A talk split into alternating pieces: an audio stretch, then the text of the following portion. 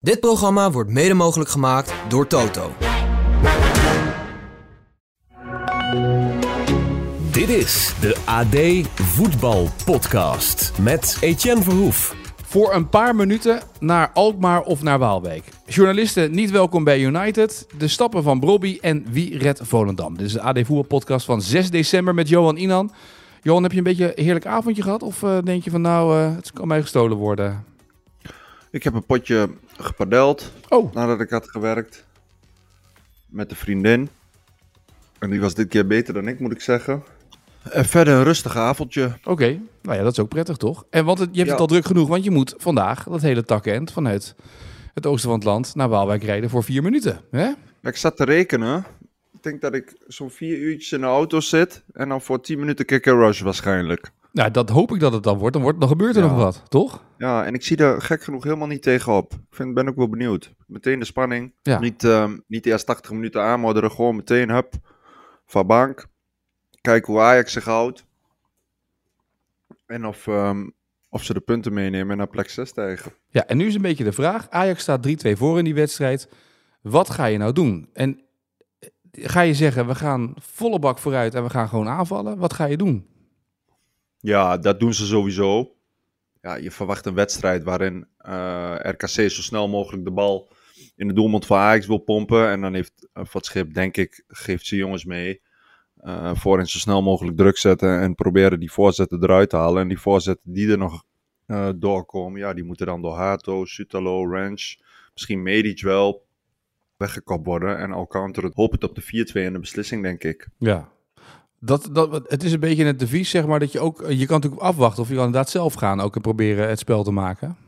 Nee, ja, dat zit, zit ook niet in, ehm, in de aard van, van Ajax-spelers om, om te gaan leunen Nee. en, ehm, en te wachten op de ballen die in de 16 gepompt worden en, en met z'n allen springen en die weg te koppen. Dat, dat moet je volgens mij helemaal niet willen als, ehm, als Ajax-trainer, weten dat die jongens vooral gewend zijn om, om aan te vallen. Maar goed, ik denk wel dat het handig is om je opstelling er enigszins op af te stemmen. Ehm, eh, dat je weet dat RKC zo snel mogelijk de, eh, de lange bal hanteert.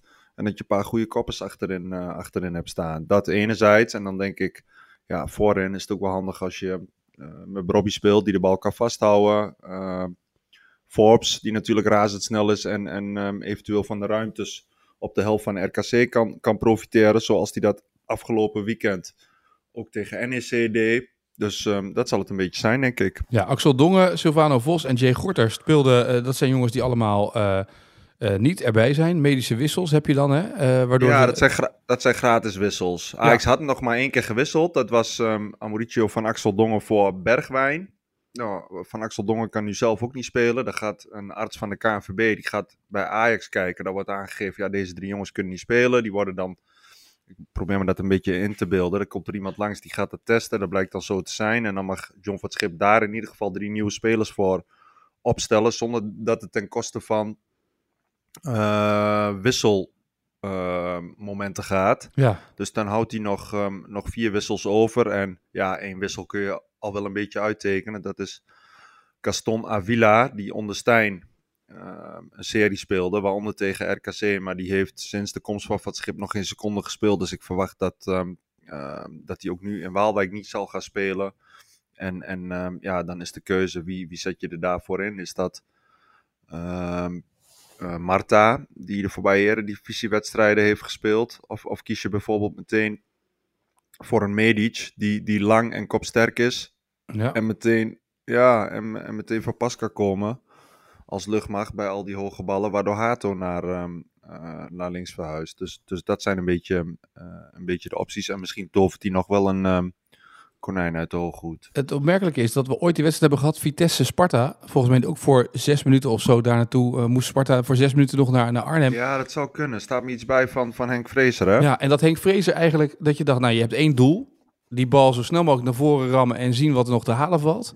Maar dat gebeurde die hele wedstrijd niet. En dat je, dat je eigenlijk naar een soort tien wezenloze minuten zat te kijken. Ja, het is ook nu afwachten hoor. Ik teken het een beetje uit, maar ehm, ja, misschien slaagt Ajax er wel in om, om de bal heel lang in de ploeg te houden. Dat zal ook het devies zijn, want hoe langer je zelf de bal hebt, Ja, ehm, eh, des te minder krijgt, krijgt RKC de kans om, eh, om er een offensief eh, uit te persen. ja, daar zijn ze bij Ajax denk ik een, een beetje op uit.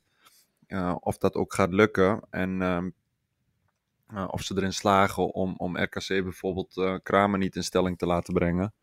En, en dat de bal pardoes goed valt voor een van de RKC's. Ja, dat, dat gaan we zien. En ja, zit me dan ook, ja, je kunt de klok er ook op gelijk zetten dat Etienne Fase ja. Uh, ook nog een paar keer mee naar voren gaat. Ze, moet, ze moeten wel, willen ze nog een, um, een punt of meer uit het vuur slepen, RKC. Ja, en het zijn toch rare fenomenen, want NEC gaat natuurlijk helemaal naar Alkmaar toe om die wedstrijd uit te maken. Ook daar ja. natuurlijk door twee redelijk identieke gevallen natuurlijk. Hè. Fase ja. bij RKC, die had dan niet een hartprobleem, maar hoofd, hè, die was even weg. Ja. En Dos natuurlijk, die in elkaar zakte bij die wedstrijd, waardoor die wedstrijd ook gestaakt werd en niet uitgespeeld werd.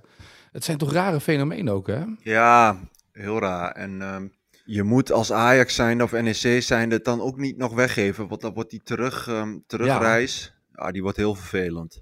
Maar het voordeel is, dat, zij, dat zij van het schip ook, ze zijn allebei fris. Beide teams zijn fris. Normaal zit er vermoeidheid ja. in een wedstrijd na 84 minuten. En nu zit ja, iedereen... nee, daar kan, daar kan geen trainer zich achter verschuilen. Dat is voor 10 minuten, dus uh, het zou het zijn als er uh, bij een van de spelers nog, um, nog kramp in komt. Ja, ja, ja, dat iemand kramp krijgt, ja. ja. Je denkt, ja, kramp nu? Ja, krampbehandeling zien na, na vijf minuten. Maar even naar die, naar die spelers dan, hè? Want het lijkt me ook, uh, je hebt een ritme. En die mm. wedstrijd moet uitgespeeld worden, laten we dat vooropstellen. Maar je moet dus dan, je, je bent de hele dag eigenlijk in voorbereiding op 10 minuten voetbal ongeveer, ja. dat is het. Ja. Je, je traint niet, uh, je bent toch, een, en je warming-up is notabene langer dan de wedstrijd. Ja. Dus je, je moet voor een soort van 10 minuten een soort hyperfocus gaan aanbrengen. Het lijkt me zo ja. lastig om je dag in te delen. Want heb je een vrije dag, dan doe je niks. Dan kan je doen wat je wilt. Maar je hebt ook geen vrije dag nu. Ja, en het is ergens ook wel een mooie uitdaging, vind ik, voor de trainen. Jij zei, ze trainen niet. Ze trainen natuurlijk... Uh, Ajax speelde dan zondag. Ja. Dus die hebben uh, maandag en dinsdag getraind. En dan, uh, ja, dan... Dan zijn de trainingen ook anders. Want waarschijnlijk geeft uh, John van Schip dan de opdracht om ehm, um, een van zijn reserveverdedigers om die lange ballen te laten hanteren. En dan zoveel mogelijk ballen wegkoppen. En, en de fase daarna is ook heel belangrijk. Zorgen dat je die, die tweede bal, zoals dat heet, dat je die wint. En, uh, en op die manier weinig te duchten krijgt van, um, van RKC. Maar dan nog, ja, het luistert heel nauw. Je moet, ja, weet je, je moet net een bal wegkoppen en er komt iemand aanlopen die hem... Um, die hem binnenrost. Dat kan natuurlijk. Hè? Als RKC 10, 15 ballen erin kan um, ja. uh, pompen.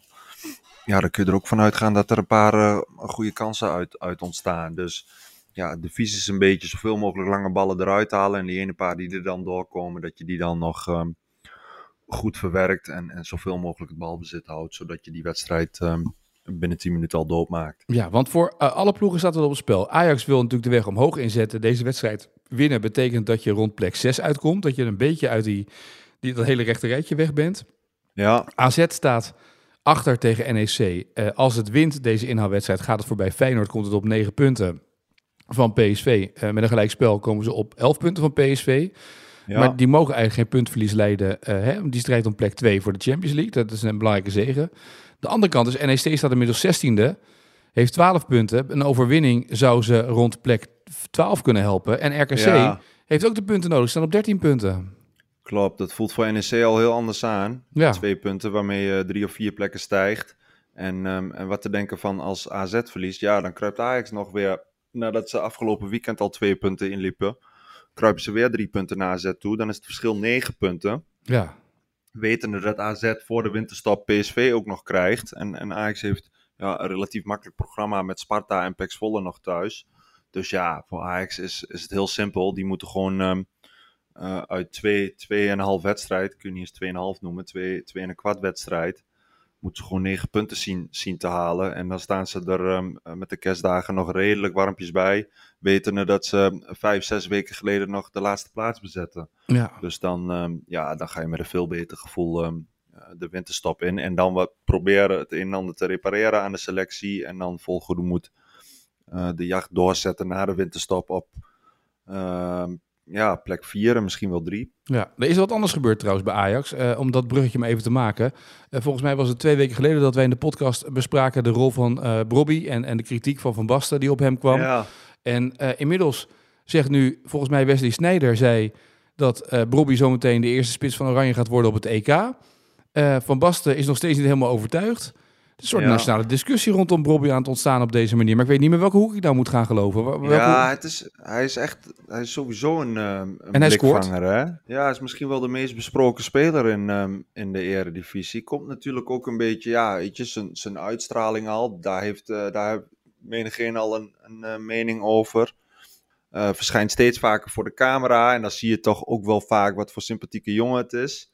Iedereen heeft een mening over. En, eh, or love him, eh, zou je haast zeggen.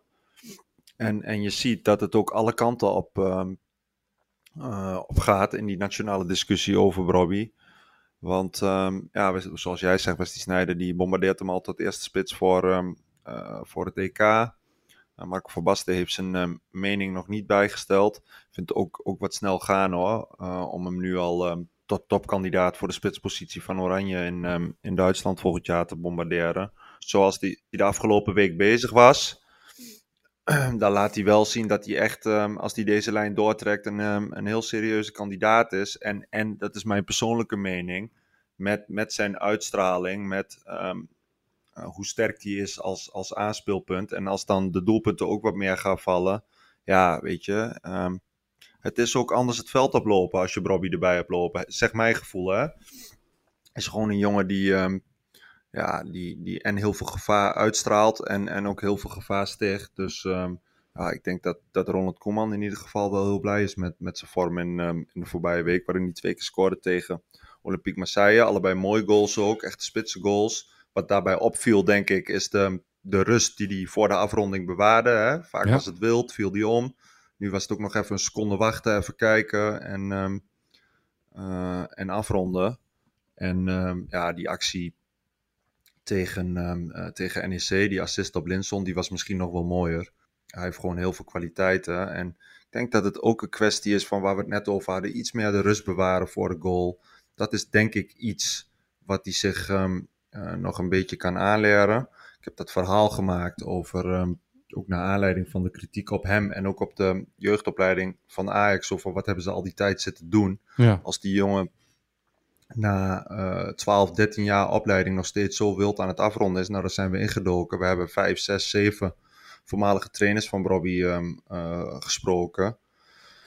Eh, een paar die nog werkzaam ehm, eh, is bij, ehm, bij Ajax en ook een aantal die al vertrokken zijn. En eh, allemaal bezweren ze dat hij nooit de kantjes eraf heeft, eh, heeft gelopen. Mhm. Dat het gewoon altijd een ijverige jongen is geweest.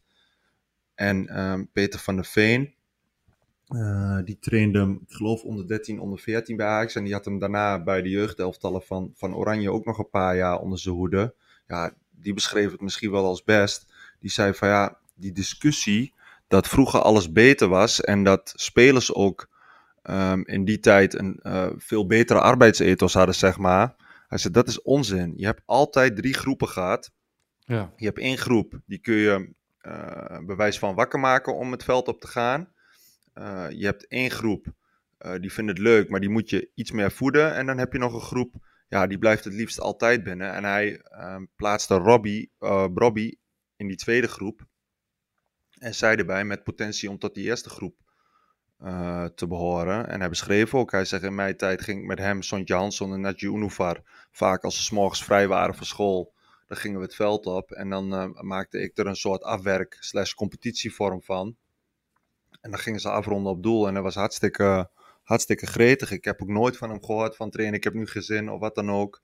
En um, ja, dat beaamden eigenlijk de andere trainers um, uh, ook wel. Dat die eigenlijk door de jaren heen bij Ajax in de jeugdopleiding altijd ook wel uh, individuele begeleiding heeft, um, heeft gehad. Ja. Zo wist ik ook niet, daar kwam ik ook nu pas te weten, dat Klaas-Jan Huntelaar in zijn laatste jaren als, als spits van Ajax, zeg maar, Bobby al een beetje bij de hand nam en zich op het veld, trainingsveld, een beetje over hem ontfermde. En daarna, toen um, Huntelaar het bestuur inging als, als technisch manager, dat hij ook nog um, met regelmaat met Bobby ging zitten om, om wat beelden te, uh, te bekijken. Dus ja, het verhaal dat, dat hij de kantjes eraf loopt en, en dat het hem aan uh, intrinsieke motivatie zou, zou ontbreken, ja, dat is voor mij echt inmiddels een, een fabeltje. Ja. Want um, uh, aan zijn instelling uh, ligt het niet. Dan nog kun je de vraag stellen, afronding, is dat niet iets um, wat aangeboren is? We hebben heel veel spitsen in Nederland gehad, hè? met Ja. Van Nistelrooy, met Huntelaar, met eh Makai was er ook zo een. Dat was gewoon, ja, die schoot uit alle hoeken en standen eh, raak. Bobby heeft dat minder. Ehm, aan de andere kant, Etienne, ik herinner me ook dat hij doorbrak. En dat eh, Ten Hag hem liet invallen, dat was het bijna wekelijks raak. Toen Ajax hem terughaalde van Leipzig, heeft hij ze vier, vijf keer ehm, eh, gered. Dus hij heeft ook een fase gehad dat de ballen er heel makkelijk in Ja. gingen. Nou goed, die kant lijkt het nu weer een beetje op te gaan. Heeft elke Dus spits ik- toch ook? Luc de Jong had er ook een, Ja, jaar, een tijd lang dat hij een half jaar niet scoorde of zo. Dat hij weinig scoorde. Ja, of je dat killersinstinct Ja. en die koelbloedigheid, of dat volledig aan te leren is, dat betwijfel ik. Maar eh, een beetje bijschaven, dan, ehm, dan gaat hij automatisch meer scoren. En dan wordt hij, denk ik, voor de komende jaren, wordt hij, ehm, ik weet niet of dat meteen op het EK zal zijn. Maar ehm, als ik zo kijk naar het spitsgilde van, van Oranje, wie komen er door, wie hebben we nu tot Ja. onze beschikking? Ja, dan lijkt mij dat we eh, in Robbie echt wel een eh, potentiële topspits in, eh, in huis hebben. Er er gebeurt nog meer in de wereld. Eh, je, maakt net, eh, je had het net over Ten Hag. Eh, Ten Hag heeft, staat een beetje onder druk bij United. Inmiddels al vier journalisten die geweigerd zijn bij de perspraatje bij Ten Hag. Omdat ze ja, verhalen hadden gepubliceerd, niet gecheckt hadden bij United hoe het zat. Gaat ook een beetje over de onrust, hè, dat de spelers geen vertrouwen meer zouden hebben in Ten Hag. Ja, Is het nou slim om een journalist te weren bij United, vraag ik me dan weer af. Nee, dat is, dat is nooit zo slim. En keek er een beetje van op ook, want eh, het verwijt van United aan, aan dit eh, groepje journalisten was dat ze eh, hun verhaal niet bij de club geverifieerd hadden. Om, en om de mensen een beeld te geven. Ik ben van de kleinere clubs waar ik, ehm, of die ik gevolgd heb, ben ik gewend. Daar had je hele korte lijntjes. Dan kon je de voorzitter of de directeur bellen om, om iets te checken. Als je hoorde dat die zijn contract zou gaan verlengen of dat ze die speler op de korrel hadden. En dan had je vaak heel snel antwoord. Bij grotere clubs, en zeker bij Ajax, is het zo dat ehm, Overmars of, of Van der Sar, ja, die waren eh, zelden voor commentaar bereikbaar. En dat heeft dan als voordeel dat als je als verslaggever iets ehm, eh, zeker weet, of Ja. zeker denkt te weten, dat je het ook gewoon kan brengen en, en dat de club daar ook niet moeilijk over doet. En dan kan het zijn dat je een keer een, een, een ketsertje maakt, Ja. maar dan is het ook niet zo dat, dat de woordvoerder of ehm, eh, een van de directeuren meteen aan de lijn hangt om te zeggen van wat flik jij ons nou? Mhm. Alleen bij United weet ik, omdat ik ook met een aantal verslaggevers die die club volgen eh, contact heb, daar werkt het dus wel zo dat als je eh, prangende vragen hebt, dat je die best kan voorleggen aan, aan de mediaafdeling van de club en vaak ook nog wel eh, een antwoord krijgt. Ja. Nou, dat, dat heeft dit groepje dus niet gedaan. Of je dan vervolgens moet gaan besluiten om ze een boycott op te leggen.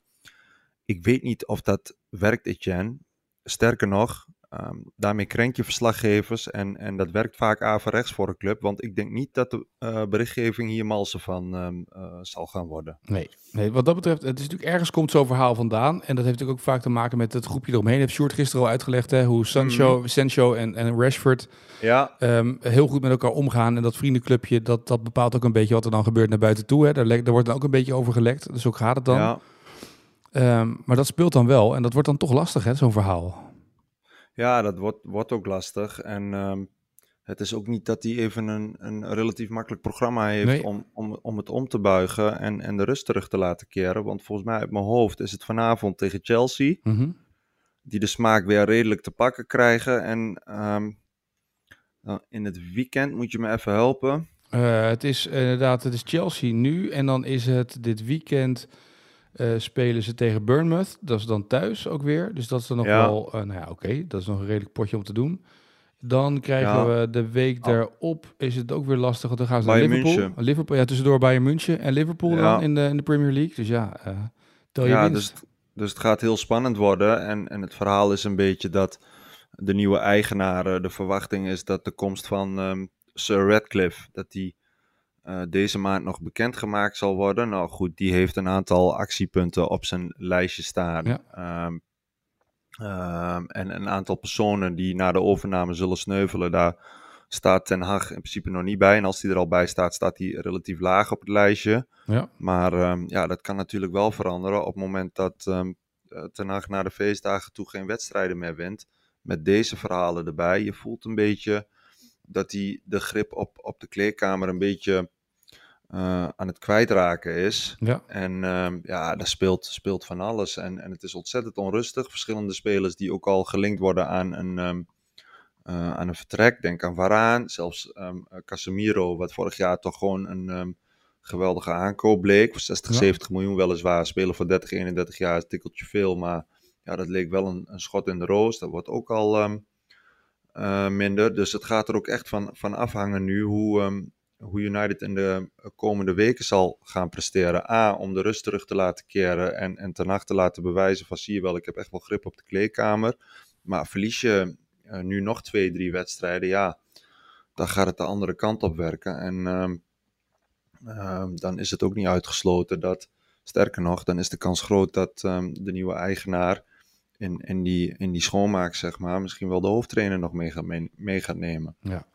Ga dat uh, blijven volgen in deze AD Voetbal podcast. Stel nou dat je um, trainer bent in Nederland en je bent op zoek naar een baan en je wordt een deze dagen gebeld door FC Volendam. Of je uh, het over wil nemen nu uh, weg is, Michael Dingsdag op de bank zit tegen Feyenoord. Maar of je wil instappen. Zou je het nu doen in dit wespennest zou ik bijna willen zeggen? Dat is toevallig dat jij dat zegt, want volgens mij legde collega Hugo Borst legde die vraag aan Fons Groenendijk voor. Die zat Um, afgelopen zondag bij uh, NOS Langs de Lijn. En voorzag de eredivisiewedstrijden van, van wat meer duiding. En die kreeg ook de vraag van, joh, Fons, mag, jij noemt Volendam, maar Vitesse is ook zo'n club. Ja. Uh, mogen die jou bellen? Nou, dat zijn de clubs die stijf onderaan staan. Ik geloof met acht, acht punten. punten. Ja, acht punten, ja. Ja, dus die hebben, uh, moeten een inhaalslag maken. Nou, dat is niet eens het ergste als je dat in de serene rust kan doen dan, dan ziet een trainer, ja, die heeft er wat sneller vertrouwen in. Maar als je om de havenklap om de oren wordt geslagen met allerlei uh, wilde verhalen over, um, uh, over de clubleiding, ja, dan kan ik me voorstellen dat je daar iets minder om staat te springen. En zo beschreef Fons Groenendijk het ook. Zo van, ja, weet je, ik sta niet meteen te springen. Aan de andere kant, ja, als je uh, gesprekken voert, dan kan daar um, ook uit voortkomen dat... Um, ja, dat er een soort omslag in, in de bestuurschaos ga, uh, gaande is.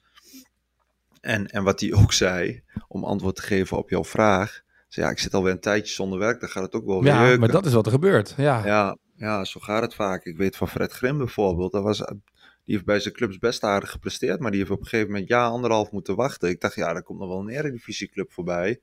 Maar um, ja, die was dolblij dat hij uh, werd benaderd door FCM. Ja, maar ik denk als je op een gemiddeld trainerscongres rond zou lopen nu, dat je echt denkt, oh ja, je bent ook nog trainer, je hebt ook nog een diploma, ja, oh, jij bent er ook nog. Er zijn echt veel hè, die geen baan hebben.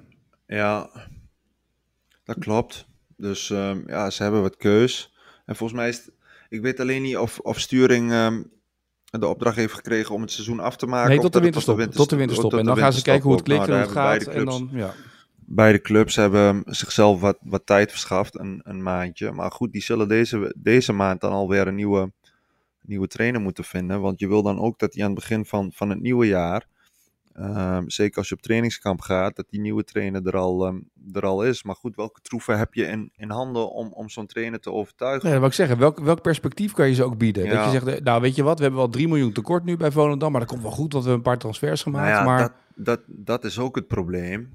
Um, want in, in alle verhalen over beide clubs gaat het natuurlijk ook over het financiële. Ja. Um, uh, Vitesse natuurlijk een beetje in, in de houtgreep genomen, omdat die overname nog altijd niet, um, niet rond is.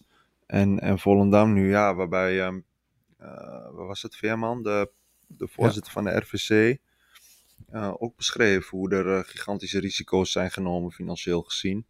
En ik heb ook niet de indruk dat ze er daar even een miljoen of twee tegenaan kunnen gooien. Nou, het viel mij wel op toen ik het verhaal las. En ook de NOS had natuurlijk weer specialisten erbij gehaald die die begrotingen dan allemaal doorlezen. Um, wat mij opvalt is dat het eigenlijk niet meer van deze tijd is om te gokken op al die... Iedere ploeg heeft transferinkomsten nodig. Hè. Heerenveen heeft volgens mij ook nodig. Ja. PSV heeft het ook natuurlijk. En iedereen heeft het nodig. Maar het is ook op zo'n begroting gokken, hè, als je met zulke tekorten gaat werken. Ja. Um, dat, dat, dat je bijna denkt, ja, maar waarom zou je het überhaupt doen? Waarom zou je er überhaupt mee gokken? Dat, dat is een beetje... Snap dat je mee wilt. Met, met, transfers bedoel je, of als trainer zijn? Nee, maar dat je dus als, met, met transfers, dat je dus als club beleid gaat maken, dat je wel denkt, kijk, je hebt nu van de Ven heb je een gelukje mee gehad. En je ja. hebt nu met een paar jongens, heb je... Maar dat is natuurlijk niet elk jaar zo. Dat is niet structureel. Nee. Dat je elk jaar als Volendam zijnde voor 10, 15 miljoen uh, binnenkrijgt aan transferinkomsten. Nee, dat klopt. En, en dan ga je ook kijken naar wat hebben zij nog aan kapitaal op het veld ja. staan. Volendam heeft volgens mij Muyamba nog. Eh. Kelvin Twicht Ja. eh, doorgebroken. Doet het bij, ehm, heeft het bij Jong Oranje ook heel, ehm, heel aardig gedaan. Ehm, Vitesse vind ik wat, wat lastiger eh, in te schatten. De eerste naam die mij dan te binnen schiet is Me- Melle Meulensteen. Maar ja, Ja. weet je, echt een miljoen man hoeft natuurlijk. Ja. Eh, maar goed, ehm, die onttrekken zich dan enigszins aan de malaise, maar hoeveel die dan kunnen opleveren. En het erg is ook, als je degradeert, ja, dan gaan dat soort jong- jongens, kun je dan ook minder voor vragen. Ja, precies. En, en ehm, op de vraag waarom zou je het doen? Ik denk dat je dan Maurice Stijn als beste voorbeeld eh, kunt nemen. Die er bij Sparta is ingestapt op het moment dat ze al dood en begraven leken. Ze ehm, uiteindelijk erin heeft weten te houden. Weliswaar in vier wedstrijden, zeg ik uit mijn Ja. hoofd. Pakte, hoeveel punten pakte die? Een stuk of tien? Ja, heel veel, ja. Die bleven erin en die trokken eh, het jaar erop die lijn door naar, ehm, naar de subtop. Tot op de rand van, van Europees voetbal aan toe. Maar dat is ook een Met unicum. gevolg... Dat is ook een unicum, toch? Ja, dat is een unicum. Met als gevolg dat hij ook nog een transfer naar een, ehm, Ja. eh, naar een topclub verdiende. Even los van hoe dat is afgelopen. Maar ehm, eh, voor degene die, eh, die het overwegen, ja, dan kan dat de doorslag geven. En wat ik zeg, Etienne, als jij al lang eh, zonder werk zit en, en het kriebelt weer, Ja, dat is waar. dan, dan heb je denk ik ook de overtuiging van ehm, ik ga dit flikken. Ja. En, en ik denk dat in vier van de vijf gevallen dat je na afloop concludeert van ja, was een beetje naïef van me. Maar goed, dan is het hopen op, op een wonder dat je de boel aan de praat krijgt. En misschien met een paar omzettingen, met één of twee extra spelers, dat de balans volledig terug is in het elftal en het ineens gaat draaien. Dat is waar. Ja. En, en zo heeft, ik, ik noemde Stijn, zo heeft ehm, Dick Schreuder zichzelf ook op de kaart Ja, gezet. Dat is waar bij PEC, ja. Die, die redde het weliswaar net niet, maar promoveerde het jaar erop met, met fris, leuk voetbal. Ehm, ja, dat, dat heeft de eh, ogen geopend van, van, heel veel, ehm, ja, van heel veel clubs ook. Want ik weet dat hij, hij zit nu bij het Spaanse Castellon, geloof Mhm. ik. Maar hij is ook gewoon bij meerdere Eredivisieclubs eh, Ja. op gesprek geweest. Dus ja, en, en misschien is dat het ook wel een beetje. Is het niet per se handhaving waarmee je jezelf weer op de kaart zet? Het is ook gewoon de opvatting en laten zien van, nou ja, weet je, ik heb verstand van voetbal en ik kan een elftal neerzetten. Ja, dat is het, ja. Handhaven, een muur neerzetten kan iedereen natuurlijk. Tot slot trouwens, eh, voordat we naar de vraag van vandaag gaan. Heb je tickets al geboekt voor Miami? Luis Suarez? Ja, nou ja, ik zie, de Athletic heeft nu gemeld dat eh Luis Suarez mogelijk de volgende speler wordt van Inter Miami. Hij zal niet alle wedstrijden kunnen spelen. Maar dat is geen nieuws, toch? Nee, maar nou ja, hij, hij zou stoppen omdat Dat hij last had van zijn knie. Dat, Oké, Ja, dat heb ik dan, dat was de ik dan eerste- gemist. Hij had Ja, slepende het knieblessure, dus daarom ging hij stoppen bij Gremio in Brazilië. Ja, Maar kennelijk eh, voor een paar wedstrijden met zijn vriend Lionel ja. en voor het Ja, geld of- van Miami. Of gewoon om het kaartclubje met Busquets en eh, Alba weer compleet te maken. Dat is ook Dat wel leuk, daar eh, ja. een paar miljoen per jaar voor, ehm, voor aftikken. Alles om Messi te pleasen, hè? Ja, precies. Wel bijzonder eigenlijk. Dat Ja. is echt... eh, goed, het zal vast Ja. wel allemaal goed over Ja, en ik weet, dit is, wel, dit is wel echt een heel, heel hecht groepje. Daar is het natuurlijk ook om te doen. En ik geloof echt nog wel als Suarez enigszins fit is, dat hij in een paar wedstrijden een keer een hat maakt, een keer twee doelpunten. Maar over het algemeen is het beste er bij hem wel vanaf. Ja, Alleen ik weet dat, dat dit groepje en ook met Cesc Fabregas en zijn eh, partner erbij, ja, die zijn heel hecht. Die gingen samen naar, ehm, naar concerten, op vakanties. Dus ehm, ja, ik kan me zo voorstellen dat eh ene Lionel Messi er ook een beetje op aandringt. ik denk het ook wel. Nou goed, eh, we gaan eens kijken wanneer dat gaat rondkomen. Wij gaan tot slot van deze rubriek en van deze podcast naar onze dagelijkse vraag. Johan, ben je er klaar voor? Jazeker. De vraag van vandaag. Dit is een vraag eh, wel eh, uit eh, eind jaren 80. Dit is de vraag van Sjoerd Gister. Ja, laten we een leuke Volendam-vraag erin gooien. In eind jaren 80 ehm, maakte Volendam ooit een, een, een fantastische goal uit een corner in één keer. Stanley Menzo was de keeper. En die bal die werd bij Volendam Ajax eh, in één keer in het doel geslingerd vanuit een hoekschop. Wie nam die hoekschop? En eh, om maar één kleine aanwijzing erbij te geven. Het, nee, nee, dat doe ik trouwens niet. Nee, toen gaf er geen aanwijzing erbij. Nee, ja. Ik ga je wel een klein beetje helpen, want we kregen een, een groot aantal namen binnen. Johan Steur was niet de goede naam en Keje Molenaar Ah, shit. was ook niet de goede Daar naam. baal ik van. Die wilde je zeggen, hè? Ja, ik zit dan eind jaren 80. Dat is. ehm, ik ben ehm, bewust voetbal gaan volgen toen ik. ehm, ik denk een jaar of 7, 8 was. Ja. En, en dan ga je ook meteen voetbalplaatjes ja. sparen. En degene die ik echt wel 13 keer dubbel had, dat was eh, Johan Steur. Dat is ook een van de weinige spelers die ik me kan heugen uh, van Volendam uit die tijd. Dus ik wilde Johan Steur zeggen als lukrake gok en hopen dat ik, uh, dat ik hem meteen goed zou hebben. Nee, helaas. Maar goed, die heb je mij dus al door de neus gebeurd. Jo Johan Steur overigens, die een heel talentvolle zoon in de academie van Ajax heeft ja. spelen, Jean Steur. Ik had trouwens, als ze bij, bij de voetbalplaatjes Anton Joren altijd dubbel. Anton, van, van RKC, Anton Joren. En toen werd Stanley Bart werd hoofdtrainer bij ADO Den Haag toen de tijd. En toen ja. ging ik uh, hem interviewen voor West. En toen zei ja. hij, en dit is mijn assistent, Anton Joren. En die zag er nog precies hetzelfde uit als op de voetbalplaatjes. Dus ik kwam iemand okay. aanlopen die normaal zou je de assistent-trainer nooit herkennen. Maar door de voetbalplaatjes van vroeger herkende ik Anton Joren weer gewoon. Ik dacht, ja, er is ook niks veranderd, die man. Ze, Anton Joris zegt mij niks. Brengt mij wel bij een andere Anton die ik ook een keer of tien dubbel had. Anton Jansen. Anton NEC. Jansen, ja, je ook vaak dubbel. Ja, dat klopt. Ja, ja. ja. dat is waar. Maar, ja, uh, maar um, die vraag. Bespaar me, bespaar me de rest van jouw uh, aanwijzingen, want um, uh, ik ga hier toch niet, toch niet op komen. Nee, dat is jammer. Uh, ik denk dat je deze nog wel terugkrijgt vanavond als je na afloop van de wedstrijd RKC Ajax nog interviews gaat doen in de spelerstunnel of bij, nou ja, in, in, in, bij de gangen. En als ze bij Ajax de podcast luisteren, zou het zomaar kunnen zijn dat ene S. Berghuis naar je toe loopt om te zeggen dat zijn vader, Frank, ah, degene Frank was Berghuis. die die bal uh, erin slingerde. Wat leuk. Ja. Mooie vraag voor Sjoerd. Ja, dus uh, dat was uh, het antwoord. Het goede antwoord, eervolle vermelding. Maar niet alleen dat. René Verbrugge gaf het antwoord via X. Veel goede antwoorden ook binnengekomen. René is onze dagwinnaar en die krijgt een waardebond te waarde van 25 euro voor een voetbalshop. om daar te gaan shoppen. Dat is toch mooi dat hij daar naartoe kan. Mooi, zeker. Ja, dus dan kan hij zelf zijn kleding uitzoeken, wat hij daarmee wil, hoe hij dat precies wilt hebben. Wat hij, de, hij heeft de kortingscode, die krijgt hij voetbalshop.nl. Uh, die biedt het aan. Dus die, uh, daar kan die uh, gaan shoppen. Daar krijgt de code van harte. Ja, bij deze. Jij een mooie vraag voor morgen? United tegen Chelsea. Die hebben ook tegenover elkaar gestaan in de Champions League finale van 2008. Gewonnen door Manchester United. Edwin van der Sar die voor de verandering een keer een penalty pakte. Ja. Wiens penalty stopte hij, waardoor United aan de haal ging met de cup met de grote oren. Oh, heel mooi. Dus uh, welke strafschop stopte Van der Sar, uh, waardoor United... Wiens strafschop, ja. ja. wiens strafschop uh, stopte hij. Um, nou, daar mogen jullie vandaag vrolijk op gaan puzzelen. Kan je doen door je antwoord door te geven via X met de hashtag AD Voetbalpodcast.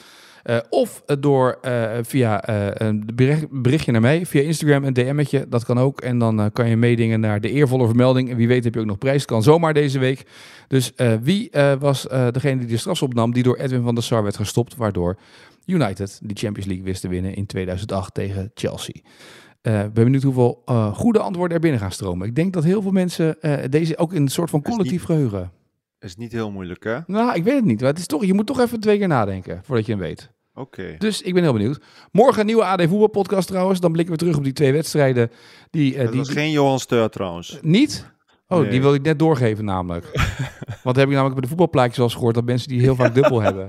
Misschien wel een leuk verhaal. Ja, met Anton Joren. Ja, en Anton Jansen. Uh, ja. Maar goed, uh, morgen AD Voetbalpodcast blikken we terug op die wedstrijden die we gezien hebben. Kijken wat daar nog voor bijzonders uitkomt. Gaan we vooruitblikken op ja, twee uh, topclubs, de nummers 1 en 2, die in actie gaan komen op een donderdagavond. Doen we allemaal met Rick Elfrink. Uh, dus dat morgen in de AD Voetbalpodcast. Johan, ik wens jou een mooie dag en uh, tot de volgende. Van hetzelfde. Tot de volgende. Dit programma werd mede mogelijk gemaakt door Toto.